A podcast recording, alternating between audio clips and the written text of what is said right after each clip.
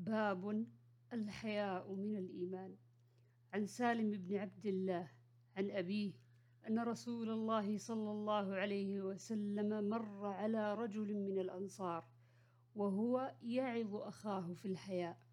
فقال رسول الله صلى الله عليه وسلم دعه فإن الحياء من الإيمان.